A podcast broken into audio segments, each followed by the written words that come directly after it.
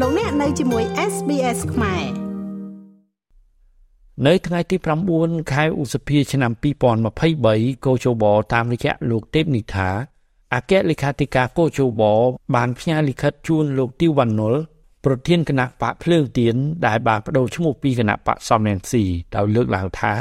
លោករងឈុនត្រូវតុលាការកាត់ទោសពីបទមជ្ឈមហើយមិនទាន់មាននីតិសម្បទានោះទេដូច្នេះ គណៈបកភ្លើងទៀនត្រូវដាក់បេក្ខជនថ្មីជំនួសលោករងឈុនដែលជាបេក្ខជនចូលឈ្មោះតំណាងរាស្ត្រ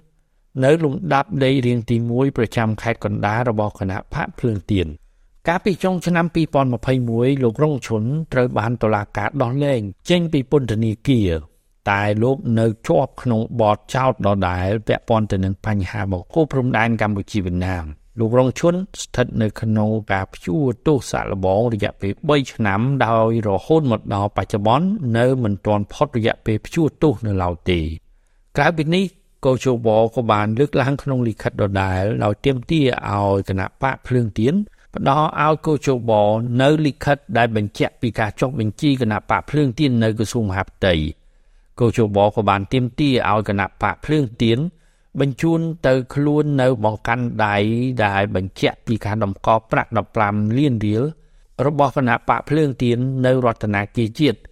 តាមច្បាប់តម្រូវសម្រាប់ការចុះឈ្មោះគណៈបកនយោបាយនិងចុះបញ្ជីបេក្ខជនចូលឈ្មោះបោះឆ្នោតតំណាងរាស្ត្រនៅកោជបពេលនេះ ចំពោះការទៀមទីរបស់កោជប3ចំណុចខាងលើនេះគណៈបកភ្លើងទៀនមិនមានអ្វីត្រូវតវ៉ាទេជាពិសេសករណីដែលកោជបមិនទទួលយកលោករងឈុនជាបេក្ខជនចូលឈ្មោះបោះឆ្នោតតំណាងរាស្ត្រនៅពេលនេះ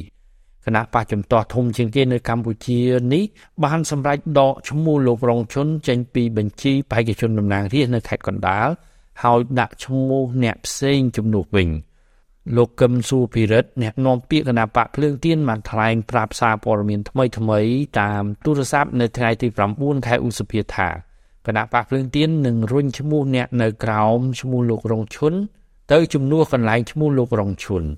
លោករងឈុនជាអតីតប្រធានសមាគមគ្រូបង្រៀនកម្ពុជាឯករាជ្យដែលមាននិន្នាការគ្រប់គ្រងលោកសំរងស៊ីតាំងពីដើមជាមួយនឹងលោកធីវិជា ដែលជាអតីតប្រធានសហជីពកម្មករហើយក៏ជាមិត្តភ័ក្តិស្និទ្ធស្នាលរបស់លោករងឈុនក្រោយលាលែងតំណែងពីសមាជិកកោជបកាលពីចុងឆ្នាំ2017បានរក្សាភាពស្ងប់ស្ងៀមរហូតដល់ឆ្នាំ2020លោករងជនត្រូវបានចាប់ឃុំខ្លួនដោយសារតែលើកឡើងពីករណីនៃការបោះបង្គោលកំណត់ព្រំដែនកម្ពុជាវៀតណាមនៅខេត្តត្បូងឃ្មុំថាបានរំលោភចូលទឹកដីកម្ពុជា យ៉ាងណាក៏ដោយការពីពេលថ្មីថ្មីនេះលោករងឈុនត្រូវបានដោះលែងចេញពីពន្ធនាគារហើយលោកក៏ត្រូវបានជ្រើសតាំងជាអនុប្រធានគណៈបកភ្លើងទៀនហើយពេលនេះលោកសម្រេចចិត្តចូលឈ្មោះជាបេក្ខជនតំណាងរាស្ត្រនៅខេត្តកណ្ដាល